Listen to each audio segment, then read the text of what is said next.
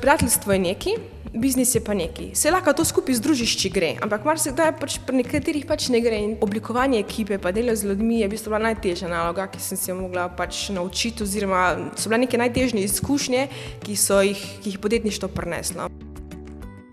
Živijo, spet poslušaš Kozmo podcast in mi nadaljujemo z našimi nepopularnimi mnenji. V tokratni epizodi se mi je pridružila Nastja Kramer Pesek, solasnica in ustanoviteljica podjetja Malinca. Njeno nepopularno mnenje: ne verjame v konkurenco, oziroma pravi, da ta sploh ni pomembna. Zanimivo, ne? Kmalo boš slišala, zakaj meni tako. Prej pa ne te še povabim, da odklikaš na našo spletno stran kozmopolitan.com in preveriš svež projekt Cosmo Cares Masterclass, ki ga je Kozmo ekipa v sodelovanju s strokovnjaki in znanimi imeni pripravila na temo mentalnega zdravja. To je v časih, v katerih smo se znašli še posebej pomembno in tudi ogroženo. Že ta teden, od 11. novembra dalje, boš predavanje na svete lahko slišala tudi v obliki petih bonus epizod na Kozmo podkastu. In ja, če ti bo Nastja ulila željo, da bi slišala še več, boš več njenih besed lahko slišala že čez nekaj dni prav na Kozmo podkastu. Zdaj pa skočimo kar k najnemu pogovoru.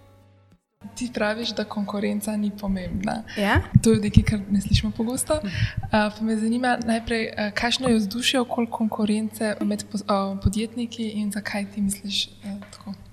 Um, ja, le, če, kaj, če začnem čisto od začetka. Uh, jaz, ko sem imela prvo službo, sem delala kot vodja um, nekega wellness centra in takrat smo se res mogli, pač smo se fulokvarjali s konkurenco, pa kaj dela, pa kaj storitve imajo, pa kaj cene imajo. In meni je šlo to tako na živce, ker dejansko bi lahko fu bolj stvari naredili, če bi pač sami. Um, Razvijali stvari, ki so nam všeč, pa ki so nam kul, cool, pa ki jih radi počnemo. Ne. In takrat sem mogoče dobila nek tak odpor, in pa ko sem videla z mojo najboljšo prijateljico, začela pot malince. Je bilo tako, da okay, mi smo začeli, vedeli smo, kako hočemo delati, da hočemo prodajati zdravo prehrano, tiste stvari, ki jih pač sami upravljamo pri kuhanju. In mi je takrat na začetku res nismo pogledali konkurence, nismo vedeli, kdo so, pač poznali smo, da so neke dve trgovine fizične uh, za zdravo prehrano in to je to. In se nismo več s tem ukvarjali. In pa, pa če sem se razmišljala, odkot meni ta ne to razmišljanje. Mm, in ja, jaz mislim, da je bila ta slaba izkušnja, ki sem imela v prvi službi in ki me danes omejevala, da bi delala to, kar mi je všeč, pa tiste ideje uresničevala, ki sem jih imela, da sem pa, ko so z Malinco začele, pač kar odmisla to, ta segment konkurence in ga spoh nismo v bistvu vključevali. In potem, pač do časa, kar sem jaz pol tukaj gotovila, pač čez kako leto pa pol, potem, ko smo začele, je prišlo do tega, da smo rekli, okay, kaj če bi pa naše izdelke mi prodali tudi v drugih fizičnih trgovinah. In nekaj smo rekli, ok, zdaj moramo pa poiskati, ne? to je pa v bistvu konkurenca. Yeah. In mi, ko smo začeli tisto iskati, ko sem videla naše eni 200 trgovin, uh, zdrav in spletne in fizične, in sem sem tak, hej, Andreja, hvala Bogu, da nisem imela tega na začetku, ker če bi jaz videla, da je toliko tega že v Sloveniji, vprašanje, če bi sploh začela. Yeah. A veš, zaradi tega, ker bi se prestrašil vse, a ne. Uh, in jaz mislim, da je zelo dobro odločitev, da se s tem na začetku pač mi nismo obremenjevali, pa pač spoh o tem razmišljali. Uh, pa tudi pol, v bistvu je bilo. Potem, ko smo pač tiste trgovine našli, ko smo videli, da dejansko tega veliko obstaja, sem se rekel, pa Andrej, pač meni se zdi res nesmiselno, da bi, až kapote pa itak potegne, malo te potegnejo stvari, noter pa sem rekel, da ima se zmeni, da mi se pač s tem ne ukvarjamo. Prvi zaradi tega, ker ti zgubljaš čas, zgubljaš ga pač, ker, da me zdaj ne vem dve uri nekaj druga delala, se dve uri pač preučujem. Bože, razvijam v tistih dveh urah, ali napišem neko objavo, napišem neko glas, napišem nek članek, naredim recept, pa da se ukvarjam s tem, kako konkurenca dela, ker je bila zguba časa. In tudi mi dve, ko smo začeli, je podjetje začelo fulhito rasti, mi nismo le pripravljeni, nismo imeli izkušenj, pač pojma nismo imeli. Niti, niti nismo imeli časa, da bi se s tem pač ukvarjali, tako ker je toliko drugih stvari bilo, ko mi smo za sebe poskrbeli, kar da bi še le z drugimi ukvarjali. In to se mi v bistvu tudi zdi fajn, da, da smo bili v taki situaciji, ker se pač enostavno nismo imeli časa. In po res, poti smo, ko smo te um, trgovine iskali, smo se pač res tako usedle in se zmele, da mi se s tem pač ne bomo ukvarjali. In tudi, če vedno, ko prekjer na novo, pa nas vprašajo, so taki razpisi, pa nas vprašajo, kdo je konkurent, pa če jaz vedno rečem, le, ne vem, res yeah. Ja. ne, tega ne vem. In tudi mislim, da je še veliko drugih prednosti, ki jih pač to prinaša. Okay, eno je, da prihraniš čas, eno je, da ne tekmuješ, zaradi tega, ker se mi zdi pač tekmovanje v tem pač nesmiselno, ker ti tak ti delaš nekaj, kar ti je všeč, kar, za, kar, za kar imaš stras, nekaj, v čem uživaš. In če bi zdaj ti tekmoval z, ne, z nekom, pač nima smisla, zato začneš tudi ponavljati stvari. Meni se zdi najbolj, najbolj slabo, če hočeš biti nek trendsetter, pa, gla, pač glavni na trgu, pa najboljši, ne moreš ti pol ponavljati za drugimi. Mm -hmm. In zaradi tega, ker mi pač ne gledamo, kaj delajo uh, druge stranke, mislim, drugi konkurenti, oziroma drugi, pač, ki so na trgu, lahko fu razvijamo stvari, ki so nam všeč. Uh, in mi nikoli ne gledamo, ok, kam ima konkurenca, da bomo mi tudi imeti, ampak vedno gledamo kaj si sami želimo imeti, uh, kaj si stranke želijo imeti. Ne vem, se lahko konkretno primer. Naprimer, če gremo za krema za obraz. To je bil en izdelek, ki itak vemo, da ga je posod polno. Mm -hmm. In če bi se jaz zdaj odločila, da bi rekla, ok, krema za obraz. Z, A bi to imeli, ne bi rekla, da imaš v vsaki trgovini tisoč teh krem, brez veze. Ampak, ko imamo pa mi, smo dobili feedback strani strank, vsak teden smo imeli samo dva, tri stranke, se vprašajo, da boste imeli kremo za obraz. To zaradi tega, ker smo pač imeli mi olček za obraz za zvečer, za zjutraj pa nič nismo imeli. In pa je bilo, a ne, ti skolček zvečer obrava, mu je všeč reči, kam da je pa za zjutraj. In je bilo to tako pogosto vprašanje, da sem si rekla, le, pač to si stranke želijo. Pa se vse en koliko ljudi že to ima, pa kakšne kreme ima, nima veze, da če si naše stranke želijo, temu je to to. In zaradi tega smo mi začeli kremo za obraz razvijati, ki je v pol leta zdaj postala med top 5 prodajnih izdelkov. Pa čeprav je tega ogromno na trgu. Um, to je ena stvar. Druga stvar je potem tudi, pač kar izha, izhajaš, ne vem. Iz, iz lastnih izkušenj, naprimer, uh, kako sem se rekla, da poslušamo sebe. To je pa ne vem, primer za tak izdelek, je pa ne vem, kolagen. Ker sem okay, poslušala sem medije, posod je bilo samo kolagen, kolagen, tem se res zadnjih par let ful, ful veliko govori. In mediji so ful ena taka stvar, ki jih moraš poslušati, zaradi tega, ker ti dajo informacijo, kaj je popularno, kaj je in, o čem se veliko govori. Uh, in če bi to pač v zadnjih letih, pač še vedno je kolagen, sem rekel, da je mesto poskusila, mesto probala, in da takrat sem kupila medek vsega. In mi pač ni bil všeč, ker je bil ti sprah, pa sem ga pil, pa ful je bilo cukra, pa mi je bilo ogabno, ko sem pa pomislila, ok, ribe pijem zdaj, če se to veš.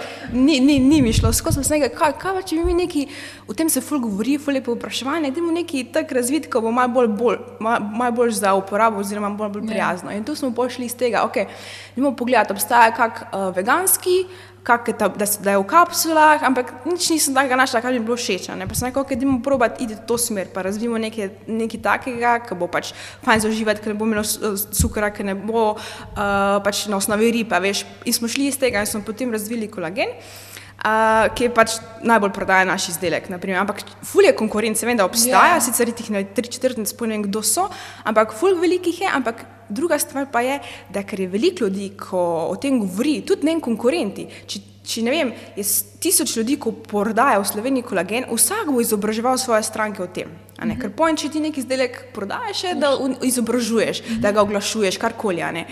In, mi, mi, in to je fulj predno, zaradi tega, ker če bo tisoč ljudi to promoviralo, oglaševalo, izobraževalo ljudi, po, po bo to popularno, mediji bodo to začeli objavljati. In pač vedno več uporabnikov, vedno več ljudi bo to imelo in to je v bistvu prednost.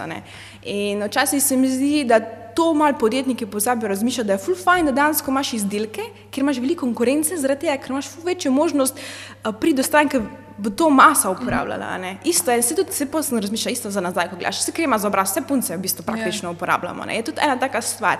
In zdaj, če si ti pa dobro v tem, narediš kvalitetni izdelek, da verjameš v njega, da vidijo, da je pač deluje, ker jaz fulgrim na to, da delamo dolgoročno, kvalitetno, pa da smo malo drugačni.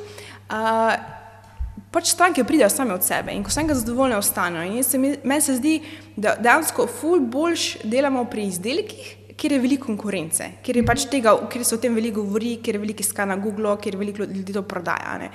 In iz tega vidika jaz mislim, da je konkurenca v bistvu full fine, da je pač ok, si ta zdrava konkurenca, ampak da to te lahko full požene, da si še boljši v tem, kar počneš in um, ja, lahko pobereš tisto glavnino uh, ljudi, ki to pač uporabljajo. Torej, v bistvu, no. da ti drugi delajo reklamo. Ja, ja, ja, ja, ja, tako, pač, da dejansko pač drugi promovirajo to in Jaz mislim, da danes je že ful, ful, velik procent punca kolagena živa in če bo se še naprej ta trend nadaljeval in če bodo vidni učinki, jih bo vedno več in tako je pol tu prostora. Sej, tudi mi mislimo, včasih Slovenija mala, pa ne vem, ne more biti sto podjetij za isto stvar, ampak še vse dva milijona ljudi. Kot sem mislila na začetku malo, mm -hmm. po sedmih letih izkušnji vidim, da je pač to full velik trg in da se lahko na tem trgu res ogromno naredi, če si dober, pa če si pač mm -hmm. ustrajaš in pač dovolj velik trg je. Pa tudi, če gremo pol širše, pa če gledamo cel svet, tako spletna trgovina je dostopna pač mm -hmm. posod lahka, uh, imamo res tok potencijalnih stran, da če smo dobri, pa če imamo dobri izdelek, pač ne vem, lahko uspemo kjerkoli, v kjerkoli biznis se podamo. No. Pogosto se mi zdi, da um, mladim ljudem, ki bi želeli biti podjetniki, govorijo, uh, da je pomembno, da najdejo nekaj, kar še ne obstaja, nekaj, ki bodo prvi, pa da bo preneslo ta mali trg. Uh, v bistvu je bilo pozitivno za tebe, da si izhajala iz svoje. Uh, želje, v bistvu ti si, kaj to je bilo, ja, veselje. Tako, ja, mislim, mislim, da to, ko si rekel, ja, v večji meri rečejo, ja, najti nekaj, kar še ni. Jaz mislim, da to prestraši ljudi, Prav pa da je neumno. Ne? Uh, vedno moraš iskati vse, kaj je te fajn. Pač, če meni fajn kuha, če se da imam, jaz imela fura, da je pač ta spletni marketing, Facebook, da bi bilo fajn objavljati gor, pač meni je bilo to. Uh, pa mi z Andrejo, s katero smo začeli malinco, smo imeli že eno kuharsko knjižico, veš, svoje, pač kuhale, svoje, pač mi smo samo združili stvari, ki rada počnemo, veš. Tudi jaz, ko sem delala v wellness centru, sem je šport full postavil, sem se skozi športala in smo samo združili te segmente skupaj in je pač nastala spletna trgovina in portal z zdravimi recepti. Mm -hmm. Uh, in jaz mislim, da če ti slediš temu, kar ti všeč, potem ful uživaš v tem in zaradi tega, ker uživaš v tem, lahko ustrajaš. Ker ful veliko podjetniških zgodb se ne vem, po parih, dveh, treh letih konča, zaradi tega, ker pač ne uživajo v tem in ko vidijo, da pač ni z danes na jutro uspeha, no, ne ustrajajo več, ker jim ni fajn in ne verjamem več v to in po, pač nehajo. Ker tu, mi smo bili v istem pač momentu, ko vsako podjetje preenkrat, ko je neki krizi, pa ne znajde več poti, v katero smer bi šlo. Tudi mi smo bili po treh letih prišli do neke točke, ko ok, zdaj se je pa ustavilo. Kaj pa zdaj, ki bomo pa zrasli, ker smo pa zdaj šli, kot je bilo včasih, kaj najraž bi kar prodal, pa šel delati. Ja. Ampak zato, ker ti je pač ena stvar všeč, ko ti res rad počneš, kar počneš, ustrajaš. In jaz vem, da pač če ne bi takrat ustrajala, ali ne bi videla, da lahko prijemo tako daleč, ker smo prišli in da pač mi je vsak dan v bistvu bolj delati to, kar počnemo. Mm -hmm. In iz tega, in se mi zdi, da tukaj podjetniki pogosto pač. Mislim, pa mladi, ko se odločijo za podjetništvo, iščejo neke hitre, instantne rešitve, kako bi hitro nekaj zaslužili. Bi... Ampak, če gledaš po življenju dolgoročno, delamo, pač delamo 50, 60 let, a veš, ja. mislim, moraš najti nekaj, kar ti je všeč, se se itak išče, se ne, ne, ne najde, marsikdo kdo najde to šele pri 30, 40, 50, nekateri pri 60, nima veze. Ampak da pač delaš v smeri, uh, da najdeš stvar, v kateri res uživaš in potem v tej stvari pač ustrajaš.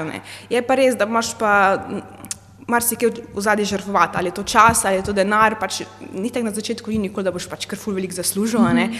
razen če je pač kakšna taka izjema. Ampak ja, tudi mi smo morali v bistvu pet let, da smo podjetje postavili tako na noge, da pač lahko zdaj imajo vsi ok, fajn plače, da so vsi zadovoljni, da je pač da je ekipa se fajn oblikovala, da smo se mi da ful stvari naučili iz vedika vodenja mm -hmm. uh, podjetja, da smo pravo strategijo obrali. Glavnem, pač itak, začneš in se učiš na lastnih napakah, to je vedno najbolj. Vse ti marsikdo reče, pa ne tek, pa ga ne poslušaš, ker si tako pametna, ne, ker nisem najbolj pameten.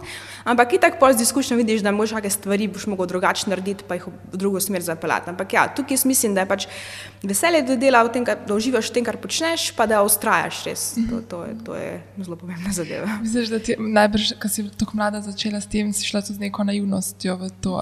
Misliš, da to lahko pozitivno. Uh, Ja, ja, ja jaz, jaz mislim, da je v bistvu to bila ena ful taka stvar, da sem bila mi je tako mlade -huh. in da dejansko nismo razmišljali, kakšne posledice bo to lahko ima, ampak smo kar nekaj greva. In vse danes rečem, jaz, če bi se danes mogla še enkrat odločiti, vprašanje, kako bi se odločila. Ker takrat je bilo pa tako, ja, bomo probale. Pač, tudi je bilo ful fajn, ker mi da še nismo imeli družine, -huh. doma smo obe živele, pač nismo imeli nekih finančnih stroškov, veš. Nič nisem imela za, za tvegati, veš, obe sem imela neke pač službe, tako začetniške, veš.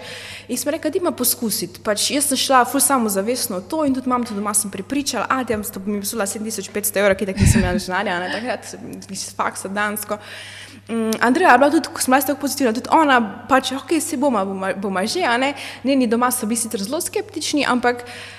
Um, se mi zdi, ko si mlad, pa ko si tako poln nekega zagona, pa tega entuzijazma, da smo pač prišli, a veš, v to. In nisem imel nekih pričakovanj, veš, ja. nisem imel, nisem imel nekih ciljev, pa nekih strategij, pa kje hočemo biti. Jaz sem rekel, sem prvi za popoldne nekaj, ne. Ja. Ampak to iz popoldne, veš, ki smo je pač. Takrat bila malo finančna kriza, nekaj se ni ful dogajalo, uh, malo drugačen pristop smo imeli, kot večina, res smo se tako izpostavljali. Jaz mislim, da velika prednost je bila pri nas, da smo ljudi izobraževali. Ker mislim, da fu veliko podjetij pač oglašuje, ampak oglašuješ pač neki izdelek, pa neko prednost, pa je to to, ne pa kje ga dobiš. Mi pa ful tudi v teh, ne vem, ko zdaj oglašujemo, naprimer v revijah, gremo skozi čez vsebine, mi napišemo pač članek A4, a veš, za ljudi v bistvu izobražuješ ne vem, o kolagenu, o, o kjerkoli živilih in potem, da oni vidijo, da to bi lahko ena stvar, ko bi oni pa poskusili. In se mi zdi, skozi ta izobraževanje, tudi, ne vem, skozi recepte, ne, mi imamo že, mislim, da 13, 14 tisoč receptov objavljenih na, na strani, zaradi tega, ker pač ti, ljudje ne vem, čist konkretno, imaš. Uh, Neko spirulino, primer. Pač to je alga, ki je fufajn za imunski sistem, in imaš ti to, in ljudje to preberejo, slišijo, ampak oni ne vejo, kako bodo to uporabljali. -hmm. Enako oni kupijo to pri nas, imaš to doma in ti stoji v omari, ker pač yeah. Ja. ne veš, kako bi to uporabljal. Uh, in s tem, ko sem pač mi dal pol, ne vem, 20 receptov, ki vsebujejo to spirulino, ko se vidi, da lahko dajo v, v kruh, pa da lahko se smutije, pa da, mislim, ko dobijo ideje, ki jo lahko uporabijo. Bodo to res uporabili. In pa, ko to enkrat uporabijo, pa zadovoljni bodo ponovno kupili. In ti moraš dejansko ljudi izobraževati o tem. In tudi vsakmo, ko vedno ko predam, pa ko me kjer podjetnik vpraša, pa se reče, glavna stvar, da imaš ti blog, kjer lahko objavljaš vsebine, ki so vezane na tvojo tematiko, da ti ljudi izobražuješ o tem, ker če jih boš izobrazil, eh, bodo pač oni to z, z veseljem, mislim, raje bodo to kupili, prej mm -hmm. boš prepričal, da pač je to stvar, ki jo lahko, ki naj sprobejo. In tudi ne samo, če prodaš ti izdelke, tudi če prodaš ne vem, storitve. V smislu, ne, uh, moj mož, ko prodaja, v bistvu, marketinško agencijo. On ljudi skozi izobražuje o marketingu, čeprav v bistvu je to njegov biznis, mm -hmm. ampak on skozi ljudi izobražuje o prodaji, o marketingu, o kako oglaševati, uh, Zaradi tega, ker če ti daš ljudem vem, znanje, ko bodo oni rabili pomoč, se bodo obrnili na tebe. Mm -hmm. okay, zdaj imaš eno mlado podjetje, zač, začne delati in spremlja njega naprimer, z nekimi nasveti, ampak po, ko bo on zrastel, ko bo rabil neko pomoč, ko ne bo več mogel se tam s tem ukvarjati, bo pač na njega se prvega obrnil, zato ker mu je dal v začetni fazi neko znanje. Ne?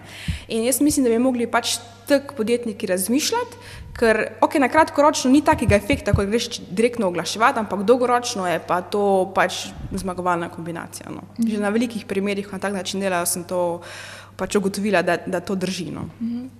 um, kaj pa, ko govorimo o konkurenci, pozitivna konkurenca, pogosto reče, da je v bistvu konkurenca dobra zato, da te motivira, pa stimulira, da ne stagniraš, ker vidiš, da drugi grejo dalje, da tudi se ti premikaš. Je to eden izmed tvojih a, stimulatorjev ali iščeš motivacijo čez druge? Ne, jaz pri konkurenci absolutno se pravim, ker se ne ukvarjam z njimi. Meni so pač motivacije najbolj z naše stranke. A veš, tisto, ko ti dobiš ne, pozitivna mnenja, pa ko jim kakšna stvar pomaga, pa ko jim všeč, to se mi zdi največja motivacija. Tudi za, za celotno ekipo naš. Pa tudi da to, pa da dosežemo svoje cilje, ki si jih ustavimo. Pa da imamo dobro ekipo, pač meni je fulp pomembno, da ko jaz prijemo službo, pač ko prijemo malinco, da je tam dobra ekipa, uh -huh. da se imamo fajn, da je sproščena energija. Pač, če se ti ne počutiš fajn tam, ko si 8 ur na dan, je pač lahko ful grozno. Uh mhm. -huh. In to je bila moja v bistvu, ena glavnih stvari, da sem rekla, da moramo v bistvu, na, na tak način sestaviti in ekipo in vse stvari in procese, da se imamo pač fajn, da smo prijatelji med sabo uh mhm. -huh. in eh, to se tu ful pozna na rezultatih. Ker marsikaj, ko sem tudi, ko sem, kjer sem jaz delala um, je bilo tako, da so v bistvu hoteli ljudi med sabo skregati, veš, da ne bi se ti pač preveč pogovarjal, preveč se. Ja. družil. Ja. In to se mi zdi slaba taktika dolgoročno, zaradi tega, ker če ti skupaj sodeluješ, pa če imaš neke skupne cilje, pa če dobra energija, si pomagaš. Le, Več, ko smo mi naredili ekipo, ko funkcionira tako, kot je zdaj, smo začeli furasti. In to vem, da je bilo ena izmed stvari, je bilo to, da je res ekipa taka, kot mora biti. Um, z vidika konkurence pač pa, pa ne, ne bi rekla, ne? mene ful bolj motivirajo res tiste stvari. Um, Tako sem se rekla, ki iz stranke delajo rezultate, ki jih sami dosežemo, tudi kakšne nagrade, naprimer, ki jih dobimo. Um, Ko razvijamo neke izdelke, s katerimi sem sama fuz zadovoljna, pa jih fuz veseljem, ta, take stvari potem. Uh, konkurenca pač ne, ne zato ne. se ne ukvarjam z njimi. No. Je pa res, da marsikdo mar pa je pač moj to, a oni imajo zdaj to, pa bomo. Lahko čist en primer povem, ker se mi zdi tako zanimivo. Ne. Ko smo mi začeli, pa so nam ti, ko so nam programirali spletno trgovino, ne, pa so pač mi to postavili, da smo takrat pozmagali na spletnem trgovcu leta. Je ta fant, ko je pač nam delal trgovino, me pol še njih desetkrat vprašal, ali lahko naredim še eno isto, lahko naredim še eno isto. Ker on bo tako vprašal, ker so hoteli imeti iste stvari, ki jih imamo mi, uh -huh. pač isto trgovino. Pa sem rekel, ja, tako da lahko, si pač mene ne moti, naj ima isto, pa naj proba. Jaz, pač, jaz vem, vem zakaj imam jaz tako, veš, oni pač ne vejo, kako bi se znašli, pač bodo ponavljali, pa probali. Pač naj probajo, pač meni je fajn, naj, naj ljudi probajo stvari, či so jim všeč. Vse, če ti ne boš rad delal to, kar počneš, pa če to delaš samo zato, ker hočeš ponavljati, pa vidiš, da to mogoče neka uh, trend, a ne pa boš yeah. Ja. probo, če bi to te posvetil uspelo, pač je brez veze. In da, tudi vem, da jih 9 od 10 pač niso nič naredili na koncu, pa so pa zaprli. Je, zaradi tega, Veš, jaz vedno rečem, ple, pač, če sem jaz motivacija nekomu, da to neko pot začne, pa da tudi če v isti branži, me veliko kličejo, ja, pa bi začela zdaj izdelovati svojo kozmetiko, mi je predlog, pa že z veseljem dam. Mm -hmm. Itek trg je fu velik, pa če ti drugmu pomagaš, jaz vidim, da tudi kadarkoli kaj jaz rabim, so ti vsi pripravljeni pomagati. Če ti nekaj daješ, pa dobiš to nazaj. In jaz mislim, da tudi velikrat mi ne vem, sodelujemo s konkurenco, v smislu, da imamo neke skupne nagradne igre. Imam tudi ene, ko dansko iste stvari prodajamo in se dobiva in se pogovarjamo in on pove, kakšne izzive ima on, kakšne izzive ima. Pač, Aha, to res je. Ja, da dejansko na tak način sod, lahko sodeluješ. Ampak se pravi, to so eni ljudje, ki so odprti za te stvari, pa, vid, pa znajo iz tega nekaj dobrega potegniti. So pa eni, pač so, smo konkurenca, se sploh ne bomo pogovarjali s tabo, Ja. naprimer, a veš, tako da ne vem, sem kaj naredila. a Veš. Da pač ljudje smo si različni, ampak jaz mislim, da bolj ko se zdi odprt, um, dolgoročno je to prava rešitev. No? Pa ti možnosti odpre, pa tudi se mi zdi, da drugačna energija in ljudje tudi začutijo, ki so okoli. In tudi stranki, in se mi zdi, da bolj ko si odprt, boljše za, za biznis, no pa tudi za tebe osebno. Prej si omenila ekipo. Ja. Kako pa si izbrala ekipo, ki ti res ustreza? Kako veš, za- zaposliš nekoga? Ja. Pač pri nas je bilo tako, da mi, ko smo začeli, smo začeli z Andrejo same. Potem smo rekli, edino pravilo, ki smo ga imeli napisano tako na tabli gore, ko smo imeli pisarno, je bilo ne zaposluj prijateljev in sodelavcev. a Ne, to je bilo edino pravilo. In seveda prva je prišla moja sestra, a ne, ki pa smo rabili nujno pomoč, nisem vedela, da sem rekla, Ana, daj, Ana, prideš pomagati, ja, ja, imam glih čas in itak še danes je, a ne v firmi. Uh, teda je moja sestra prišla prva in potem smo spet rabili pomoč, je prišla njena prijateljica, najboljša od moje sestre, ki je še tu danes. Gledam, tako so se pa začeli kaplati. Vmes smo pa rekli, ok, ne smemo več, pač res, dajmo se tega držati in smo imeli kar nekaj ljudi, ki se pač ni šlo. Ker jaz vedno rečem, ok, naj nekdo pride, naj poskusi, ampak jaz če vidim, da ni pripadnosti, če vidim, da ga to ne veseli, če vidim, da se ne vklopi v ekipo, veš, mi smo bile tudi, moraš vedeti, pet let pa pol smo bile same punce. In če so same punce, se veš, se zna začeti upravljanje, pa te stvari. Ja. Yeah. Jaz sem nekaj z tega noče. In tako, ko sem ena začela s tem, pa sem rekla, le, pač moraš iti. Jaz in tako na začetku vem, da to je mi je najhujše, kar se lahko pač. Ja, dobro. ne, ampak, se veš, ljudi pač. Punce smo marsikdaj se do takih, takih stvari pride in moram reči, da smo ful veliko ljudi, kar veliko ljudi smo zamenjali, pač, da so probali, pa ni šlo. Ampak vmes je pa vsak, ne vem, peti je pa bil top in še danes Ja. z, z nami. In pač na tak način se je počasi ekipa gradila, danes nas je devet. In, ampak kar sem jaz tudi pol ugotovila, da je ful fajn v bistvu, da imaš ljudi, ki so tvoji prijatelji, pa tvoji sorodniki, pa jim zaupaš. Ker danes imamo vem, dva moja sestriča sta v ekipi, pač moja sestra, pač Andreja, ki je tako moja najboljša prijateljica, uh, potem od Andreje dve sošolki, ki sta bile. v Glavnem, ena od devetih oseb je ena, ki pač ni nekot povezana, bila ni prednet z nami. Vse ostale so pač neki ali prijatelji ali pa sorodniki. a ne.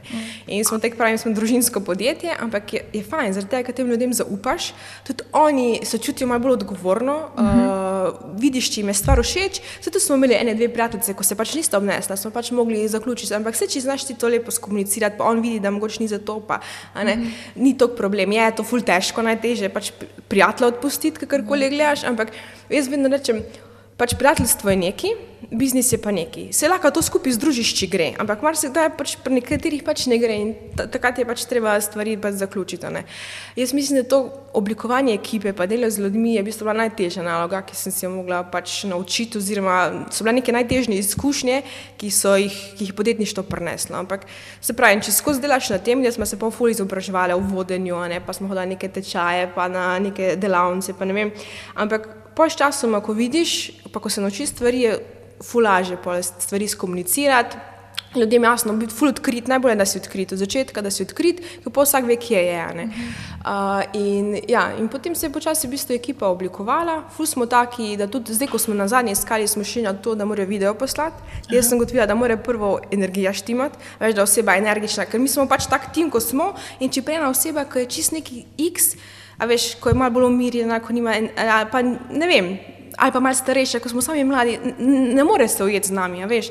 In bomo, zdaj imamo prek video, damo, da nam pošljejo video, meni niso pomembne izkušnje, ni mi pomembna izobrazba, nič. Pač, ko to sem videla, da če sem to iskala, je bilo brez veze. a ne.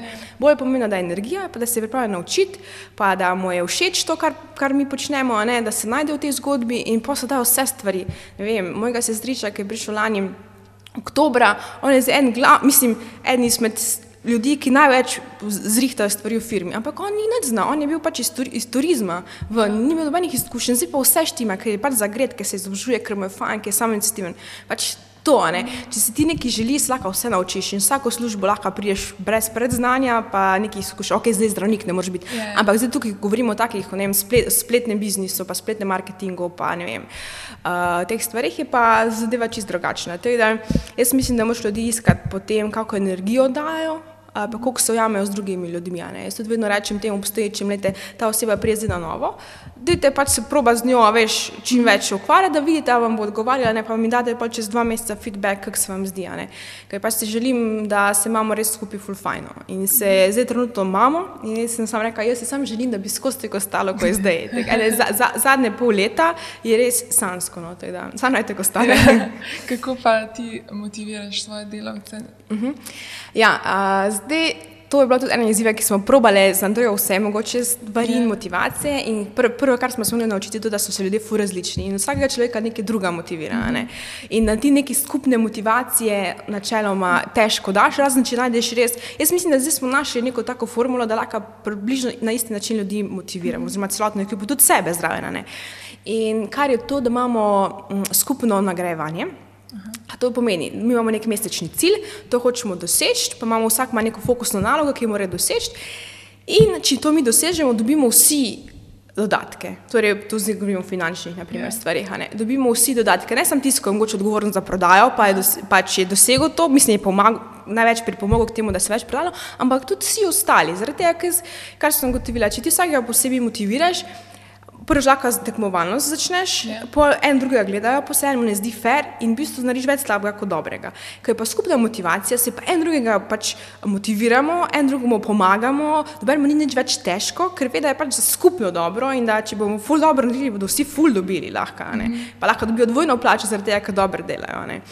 Um, in to se mi zdi, pač, to zdaj imamo, mislim, da je dve leti tak način in je top shit res. To, ja, t- pač na tak način se mi zdi ful dober.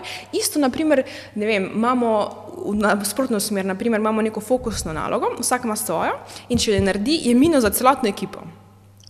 In ti, ko ti dobiš ne, minus 30 evrov, se ti zdi, eh, pa se bom že preživel. Ko pa cela ekipa dobi zaradi tebe, je pa, se pa ful potrudiš, da to naredil. A veš, in je spet tisti učinek, da naredim, se, se ne toliko zaradi mene, ampak tudi, da, bom, da dobe, a veš, bodo, ne, ja. a veš, pa tudi drugi te spodbudi narediti, da ne bomo dobili minus, a veš, v tem smislu. Ne. To je ena stvar. Pol, kar sem jaz ugotovila pri nas, da imamo pač zelo prijateljski odnos med sabo in se furadi družimo. In smo šli pa na način nagrajevanja, pač to je en del motivacije, ta finančni, en drugi del je pa v bistvu, da spostavljamo neke dobre odnose z ekipo. In to je pač smo pa rekli, če mi naredimo tri mesečne cilje, dosežemo.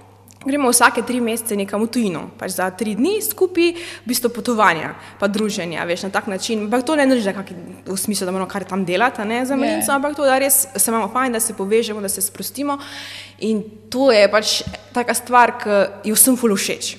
Veš, ampak smo mogli najti, kaj je vsem ne, Skupaj, ja, ja. skupnega. Ne. In ja, zelo na zadnje smo mogli šli uh, na viz za podaljšan vikend in res se mi zdi, vedno, ko priješ nazaj, je toliko energije, toliko motivacije, toliko se ljudi še bolj poveže med sabo, mm -hmm. da je pač noro. Ne. Tudi ne vem, primer, vsi v bistvu zaposleni so bili na moji poroki. a ne. Pač, to so take stvari, ko pol res uživaš, ker imaš tam prijatelje, ki ti je fajn in ko zagusti, ne vem, ko je bila korona, naprimer, mi smo pač ful mogli delati. Mi smo mogli vse vikende delati, uh, cele dneve smo mogli, zato ker pač bilo toliko, a ne, naročil, ki imamo spet na vrdajo. In dober ni bil problem. Doben sploh ni vprašal, če more, pač vsi, sem se zelo to pač logično, veš. In tukaj pa vidiš, da ko bo, ko, jaz vem, da ko bo kriza, pa ne, in ko grem šest na porodniško, da sploh ne bo problem, da bodo oni stvari zrihtali, a ne. In ja, to, to se mi zdi ta prijateljski odnos, Uh, pa to, da jih znaš res skupinsko motivirati, to so, so, so zdaj te stvari, ki pri nas res delujejo in jaz mislim, da bomo tudi no, vedno v prihodnje tak način motivacije pri nas imeli. No. Mogoče pri vseh podjetjih to ne prije tako poštevo, ampak pri nas se je to izkazalo kot fulobrno. Pa ti se učiš tako v bistvu, iz vlastnih izkušenj ali tudi bereš knjige, hodiš na kakšne izobraževanja? Mm. Ja, ne, jaz se fu veliko izobražujem, pač že v bistvu od začetka. Tako da, uh, ja, eno, eno, eno so knjige, tako imam letos imam cilj, da preberem 30 knjig, a veš, uh, to. Eno so fu veliko se tudi pač s Filipom, z mojim možem, ko imamo tudi svoje podjetje, zdaj deljenje izkušenj, pa ti pogovori, a veš, je fu fajn, če imaš enega blizu, ko to razume, ne, že tam veliko stvari predebatiramo, pa tudi na izobraževanje, ne, tudi letos smo bili, tudi z Andrejo sem bila skupaj v Ameriki na enih izobraževanjih, da tu se ful, pač, če hočeš kot podjetje, pot, kot posameznik rasti, se moraš veliko izobraževati. Ne? Ker to je pač prava smer. Ker če ne imaš svoj, svojo uh, sliko v glavi in se pač tega ful držiš, veš, in ne znaš pogledati izven okvirjev. Ker pa ti pa dobiš ne vem, mnenja nekih ne v Ameriki, ki so bili res top shit, najboljši svetovni podjetniki, kot ti predavajo, a veš, ko vidiš njihov mindset, začneš mogoče, a veš, kakšne druge stvari sprobavati, razmišljati in jaz mislim, da te lahko rasteš, no, teda kot podjetnik se moraš, mislim, pa tudi ne nasplošno, vsi ljudje bi se mogli skozi, skozi izobraževati, ne. Uh, tudi mi imamo zdaj en mesec uh, v letu v Malinci posvečen učenju pa izobraževanju, naprimer, in takrat skušam ljudi spodbuditi, ne, da se uh, izobražujejo, da neka nova znanja pridobivajo, da berejo knjige. Zdaj smo tudi en del projekta, projekta smo namenili temu, da spodbujamo ljudi k branju knjig. Pač se mi zdi, da če daš ljudem tiste stvari, ne vem, ko mi zagovarjamo pač zdrav način življenja, vsi mislijo, da to pomeni, da moraš zdravo jesti. Ja. Ampak se mi zdi, da to veliko, veliko, veliko več, da je pač ok, da je gibanje, Eh, da so dobri odnosi s prijatelji, s partnerji, da je čim manj stresa, da znaš ta stres v bistvu uravnavati, full enih zadev, da se skozi izobražuješ. Mislim, toliko enih stvari, ki zajema to, če hočeš biti, vem, zdrav pa srečen, da ni samo zdrava prehrana ena stvar, to je samo pač ena od desetih stvari, mogoče, ki temu prenese. No? In tu skušamo potem uh, ljudi v bistvu vsak mesec o neki tematiki, ki je pomembna za zdravo življenje, uh, izobraževati. Tako smo si pač ta. Ne? In to se mi zdi. Um, tak način uh, ful dober, ker ljudje ti pa zaupajo, ko vidim, da jih skušaš pomagati, ne samo neki prodati. Ne, mm -hmm. nekaj smo zdaj iz te teme, sem prišla, ampak ja. um, prej si omenila, da je korona v bistvu ful več podvojila. Ja, ja. Um, kaj, kaj, kaj, kako si predstavljaš prihodnost? Uh, svojega posla zdaj, v tem času, ko je korona? Uh, je, lej, je. Pač jaz, ko se je korona začela, sem bila fulpanična. Veš, yeah. Ja. prvi teden, ko smo bili vsi mali, ko nismo vedeli, kam bo šlo. In potem sem pa videla, da je dejansko ok, to je priložnost za nas, ne prodajemo hrano, imamo možnost, da dejansko ful hitro dobijo, ko, polari, ko se v kakih trgovinah naročijo s hrano, si mogo čakati ful, ne, pa zdaj nisi prišel na vrsto. Sem rekla, ok, dajmo zdaj to pač uh, izkoristiti, dajmo pač ljudem, ko to rabijo, pomagati. Takrat smo se pa tudi odločili, da bomo delali na polno in prodaja res je bila za 100% več naročil, smo imeli pač malo več kot 100%.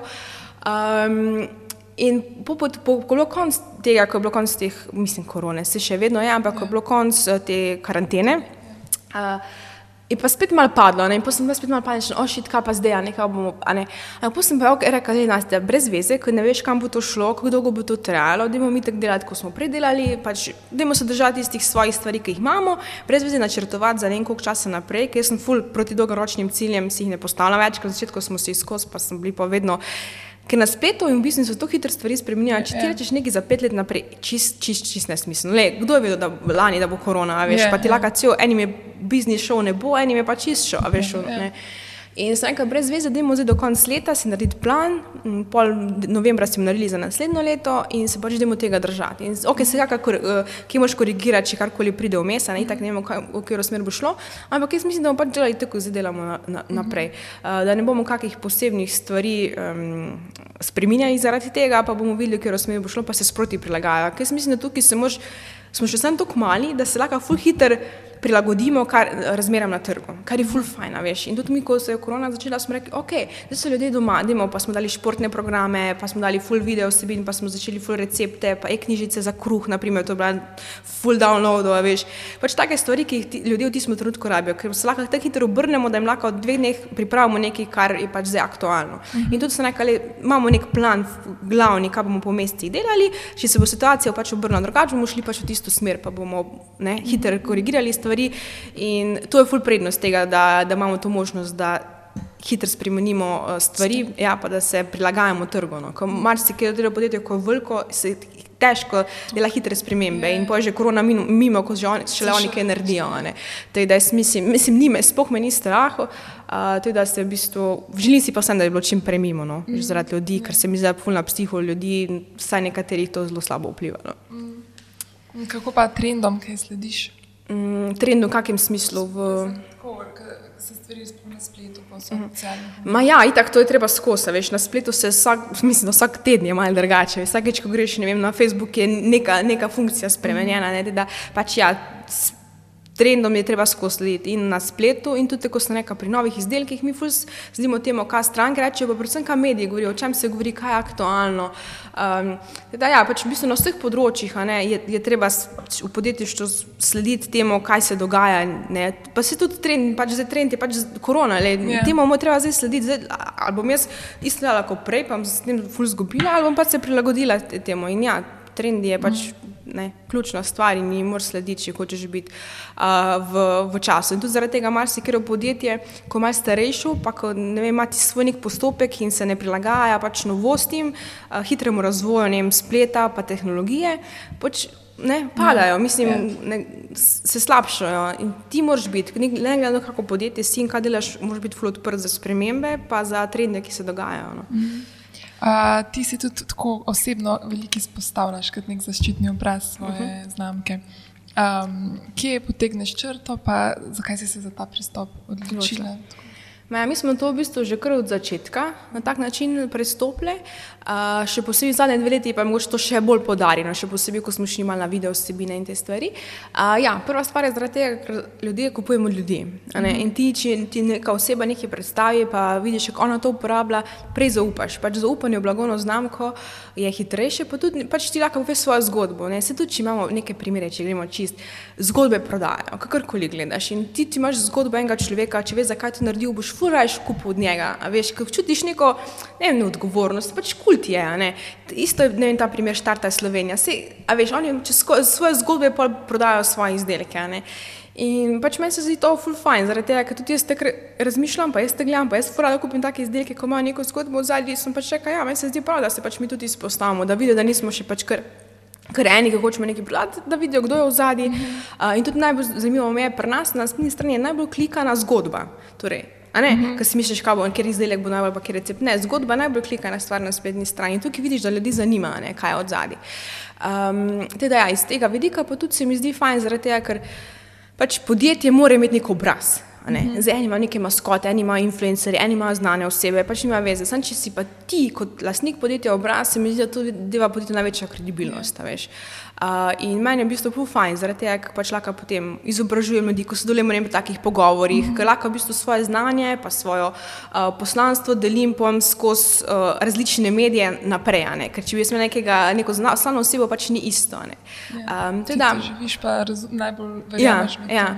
In tudi jaz nimam nekako, ko se reka, pač kje meja. Pač dejansko, jaz sem se mogla sprijazniti s tem, mislim, na začetku sem imela krizive, ker nisem imela neke ločnice, kaj je zasebno, pa kaj je pol poslovno. Ampak ko sem jaz videla, pa ni 3-4 letih, da nima smisla, da se delam neke, pa sem začela živeti na način, da je pač to moje življenje ne, in se stvari itak skozi prepletajo, uh, sem se bolj nekako sprijaznila. Pač tako sem se odločila in začela na tak način razmišljati in mi je danes full fine, zaradi tega, ker nimam tisto poslovno, zasebno, ki je ločnica tukaj, da sem jaz, pač jaz vedno stvari povem tako so. Ne? In to se mi zdi tudi pač prednost. In tudi vem, da sem sedem let nazaj drugačne stvari povedala, danes, ker sem pač drugače razmišljala, ker sem imela full manj izkušenj, full manj znanja, ker sem pač nova o tem. Um, tudi mar se ta prije, da pa, pač re, poslušaš en intervju iz pred petih let, pa sem drugače, kaj pa sem tako, ne, zraste osebe, ampak um, ne, ne postavim neke, loč, lo, neke ločnice med tem, uh, razen pač ne tek, zdaj s Filipom, ko smo se odločili, pač, da določene stvari pa vseeno postanejo pač najna zasebnost, ampak ne, da bi pač zdaj jih prikrivala, ampak pač to se ne izpostavlja. Ne. Ampak v resnici jaz bi vse, sem pač Filip rekel, da je nekaj, ki si moraš postaviti, ki pač meni, veš, leta kasnama, ne, mislim, a veš, ne. Um, Fulje odvisno od človeka, kako je odprta ne, um, za take stvari. Enim so pač čisti, ko ste bolj zaprti, pa introvertirani, je to težje, ne, ko pač si ti odprta oseba, pa ti pač ni problema. Ne. Potem, kdaj odklopiš tako službo ali je vedno del tega? Ma ja, jaz, jaz nikoli, nikoli ne rečem, gremo se zdaj, zdaj v službo, ampak rečem, gremo v malinco, ne, a veš. In pač ni to neko kot služba, pa odklopim, pa ja, se, se, se da, naprimer na poročnem potovanju, ko smo bila, naprimer smo en teden res tisto, ko smo se mogli spočiti vsega, uh, se čisto odklopila, naprimer tega, pa mi ni bil tako, zato ko zaupam svoji ekipi. Ja. Veš, ne, jaz prvih pet let se nisem mogla odklopiti, pač mm -hmm. nikoli, še ko smo bila na pusto, vsak dan je bilo. Uh, zdaj pa, ko sem prišel v neke take faze, pa se že lahko odklopim za par dni, pa se ne sekiram. Ker prej sem se, ošit, kaj če kaj ne bo, veš, naredil, pa kaj če bi kaj pozabil, zdaj mi je pa ok, mislim, se lahko odklopim od tega, ampak, veš, Tudi pa, ko si odklopim, pa se malo spočiš, če potek fajn, pa biš uno idejo, pa uno idejo, ampak ni to slabo, ne, a veš, ko si malo spočiš misli in pol ti pač uh, rastejo ideje v glavi. Tako da pač Lahko se odklopim, ampak se moram reči, da zelo malkrat. Ker vedno je kaj povezano, še posebej, če je to kot tvoj način življenja. Ne vem, tudi zvečer nekaj kuham in tako pa postanem storija. Zdaj, a je to bil odklop, ne? mislim, a veš, Je. ne? je ful prepleteno in je ful težko pač neko mojo bolj postaviti. No.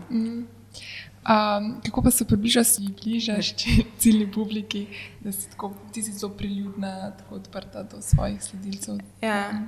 Pač, da si tako si. A Veš, jaz mislim, da največji problem je bil, da bi jaz hodila biti nekaj, kar nisem. Mislim, da bi se delala, da sem nekaj, pa ne bi tako razmišljala, zato to ljudi ful hitro opazijo. Mm -hmm. Ti tako, mislim, vse, ko spremljaš eno osebo, hitro opaziš, ali je res to ona, ali je pač to neka igra, ki jo hoče imeti za svoje sledilce.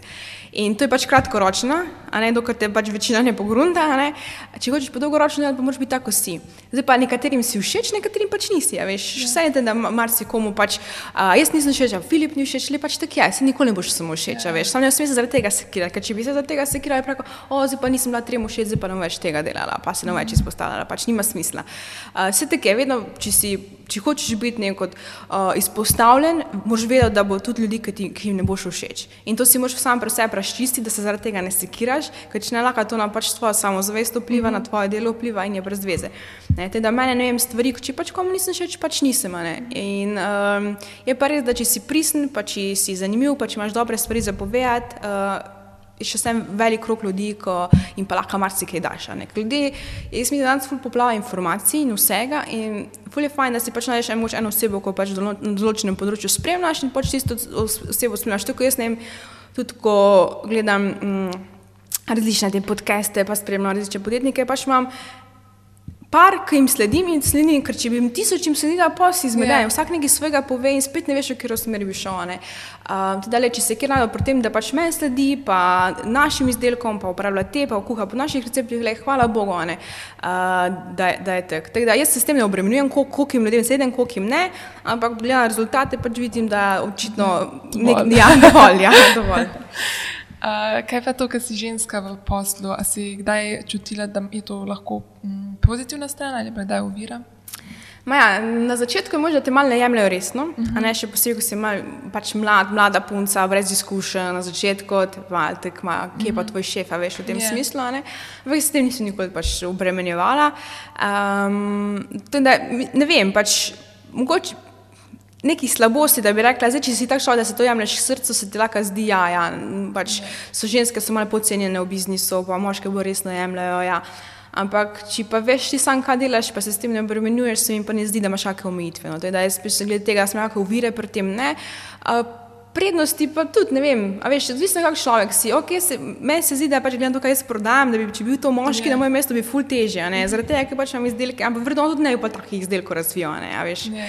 Da, odvisno v kakšni, kakšni vlogi si, ampak eh, jaz mislim, da imam tukaj jaz prednost, ja, ker sem punca, ker sem pač ok, zdaj sem stara 32, da sem neki srednjih let, da se lahko punce poistovetijo z mano, da lahko dam nekaj tistim, ko so mlade, ker pač imam nekaj izkušenj, da lahko pomagam pač tem, ko so uh, mo mojih let. Ne vem, se mi zdi, da z, z tega vidika lahko boljš in, in za mojo starost in moje izkušnje lahko veliko damane. In to se mi zdi ena prednost, naprimer, ko imam. Pa tudi, da sem ne vem, odprta, naprimer, pa da sem tako. Ne, kot in Filip je bil introvertiran, jaz sem bolj ekstrovertirana, La, lažje pol take stvari grejo, ampak ni, mislim, ni to tako spol, kot pa kakšna oseba si, a veš, ne. Uh, ne bi pa neko primerjavo med spoloma delala, ker Ja. vsak si tako samo odločil, kjer v smer bo šel. No. Oba dva s Filipom sta podjetnika, a kdaj kaj tekmujeta ali se podpirata, kakšna Ja. je ta dinamika? Pač tak, uh, za hec skozi tekmujemo, veš, ker imamo večje podjetje, pa tak, ampak pač ni to zdaj tekmišča, ni tako vsak drug Ja. yeah. privošči najboljš. Ne, drugače si je ful pomagal. Tudi on dela, njegova firma, marketinška agencija dela za nas, ful velik del oglaševanja. ne. Uh, pač tudi ful je fajn, ker se doma lahko pač pogovarjamo, ker se en drugega razumemo, ker jaz pač razumem, da on prije pozno zvečer domov večkrat.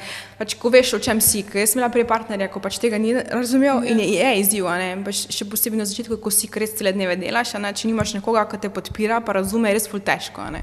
Uh, tako da meni je ful fajn, da smo v v bistvu oba v podobnem biznisu, da se razumemo, da se lahko pogovarjamo o tem uh, in tudi danes, ko si pomagamo. Jaz njemu, on meni in meni se zdi to pač super kombinacija in meni je ful top. Tudi tako on me je spodbudil, da sem začela sploh video snemati, ker sem kakšne vprašanje, če bi kaj bilo tako, ne, prosim, so, ne, ne, ne, video ne bi snemala. Ne.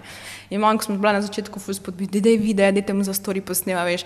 Sem pa, ko enkrat začneš na začetku, itak ti je fubutasto, ne pa svoj glas, pa tisto ni fajn, ne. Ampak ko greš enkrat čez to, za me pa to res pač tek, a veš, malo, mislim, sploh mi ni problem, sploh ne pomislim, raz- res vsak dan nekaj snimamo. Ali neke storije, ali neke videe, ali nekaj pač skozi se snema in mi je to pač tako fajn mi je postalo, pa uživamo v tem, a ne. Mm, ja, take stvari, jaz mislim, da me je kar velikim stvarem tako spodbudil, pa jaz, pa jaz njega, tako da je um, dobra kombinacija. No. Uh, no, gremo pa še za konec tem um, tujim nepopularnim mnenjem, pa tvoje uh -huh. komentarje. me Mhm. Okej. zanimajo. Um, iskanje službe je lahko zabavno. Absolutno, da je res. Ja?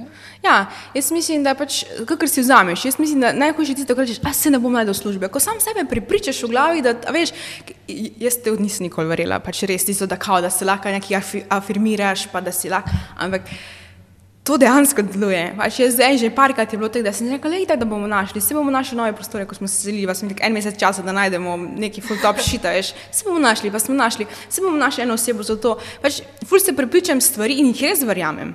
Tudi v malincu, ko mar se gre, ko si ti skozi vreda v to uspeli. Sem rekla, ja, jaz pa nisem nikoli pomislila, da ne bi. A veš, ampak to mi pač verjameš eno stvar in delaš v tisti smeri za to stvar in se to zgodi. Jaz mislim, da isto pri službi. Jaz, ko sem iskala službo, Pač jaz sem- dobila službo in sem šla, kako sem dobila, res sem delala o eni devet mesecev plastike skazak v spletnem marketingu. In kako sem jaz dobila službo, uh, v tistem veljnem centru sem postila, ker mi je pač bilo, pač ni bilo zabavno. a ne. In sem rekla, ok, sem nekaj druga našla, veš, sem rekli, ne, ne, pa ne, dej, deli. Sem rekla, ne, pač bute, mislim, brez veze. Ne. In šla ena izobraževanja, tek v roku enega meseca in bila tam direktorica Tanja Skaza in je rekla, je, a bi ti prišla, smo se poznali preko hodila v ti športni center, a bi ti prišla k nam delati. Sem tak, ja, ok, a veš, nisem nobene, pro- a veš, nič, ampak jaz sem pač verjela, da bo, vse, vse, vse bo, a ne, nekaj bo, ena oseba bo prišla, ko bo to zrihtala, mislim, da sem sem imela pa namen, da bi kakšne prošnje pa bi se SP odprla, ampak ne vem, če ti je neko stvar verjameš in delaš v tej smeri, saj sem delala v tej smeri, jaz sem se izobraževala, hodila sem na marketinška izobraževanja, veš, delala sem, pač ni, da bi doma sedela, čakala, a bo zdaj mi kjer pisati, če prijem delati, a ne. Um, tako da pač, ja, jaz mislim, da je lahko zelo zabavno, no, če se tega na tak način, o, če se tega odločiš, pa se tega tako lotiš. No. Evo, Ena naslednja je malo na temo poroke, glede na to, da se jih Aha, okej. um, Poročna industrija je kapitalistična ukana. Pa v bistvu, kaj ti poroka pomeni? No? Uh -huh. pač, ja, s porokami se fu zasluži. Tudi jaz, ko sem videla, kako je vse skupaj prišlo, pač ful drago. Ne? Pa sem videla vsaka stvar enkrat dražja, ker bi bila drugače, Ja. bi kar te kupil, si ne prsten ali pa nekaj, veš. Ampak po drugi strani pač le koliko ti pomeni. To se en dogodek, enkrat v življenju se pač zgodi, meni Filip rekel, le brez veze gledaš na denar, kot bo, bo itak pač ne, enkrat je. Le, naj bo te, ko si pač želiva, da ti bo tebi kula, ne, ne zdaj gledati na, na denar, ko bo, bo ti pa žal, ne enkrat. Ne. Uh -huh. Tako da pač ja, se služi na temu, ampak le, če, če, če ti želiš imeti eno tako poroko, če veš, da to enkratni dogodek v življenju, če ti je neka stvar všeč, jaz mislim, pač, da si moraš to narediti, da, boš res rekel, da je to bila pa moja sanska poroka. No. A, naslednja je fitness je zbirališče narcisov. Um, pa ne, mislim, jaz hodim skozi fitness, pa nisem več tisti. Uh? Ja, vse so tudi taki, ja, veš. Vse so tudi taki, pa vidiš one v fitnessu, ko sam tek pa se pred špeglom, ne, uh, gledajo, ampak jaz mislim, da pač. Um, To je stvar posameznika, imaš taki, pa drugačni ljudi, so tudi po- so drugot najdeš narcise, veš, ne Ja. samo zdaj v fitnessu, a ne. Uh, to je da ne bi rekla. Um, mleko ne pomaga kostem, kot so nam govorile babice. Ti še enkrat? M- Mleko ne pomaga kostem, kot so nam govorile babice. Jo, nekaj ne pomaga s tem. Ne, ne vem, kaj bi se opredelila. Pač jaz mislim, da vsaka stvar je pač. Zdaj, če boš sam mleko pil, ne boš imel zelo močne kosti. Ja. Yeah. Pač pomembno je, da piješ mleko, a pa da dobiš ne vem kaj si na nek drug, drugačen način, ampak da imaš zmerno s prosem. Pač zmerno s prosem je. Zdaj, če boš rekel, ok, imam slave, ko sem pa mleko pil vsak dan, tako bom zaradi tega pač ne boš. Ne? Ja, Ja, ja. ja. Pa Še zadnja čokolada ni dobra. Ja. Čokolada je dobra. To je to, hvala ti Okej. za to, da si bila ja. gostja. Hvala tebi za intervju, super je bilo. Uh, in nas poslušajte v naslednjem podkastu. Čau, čau. Ciao.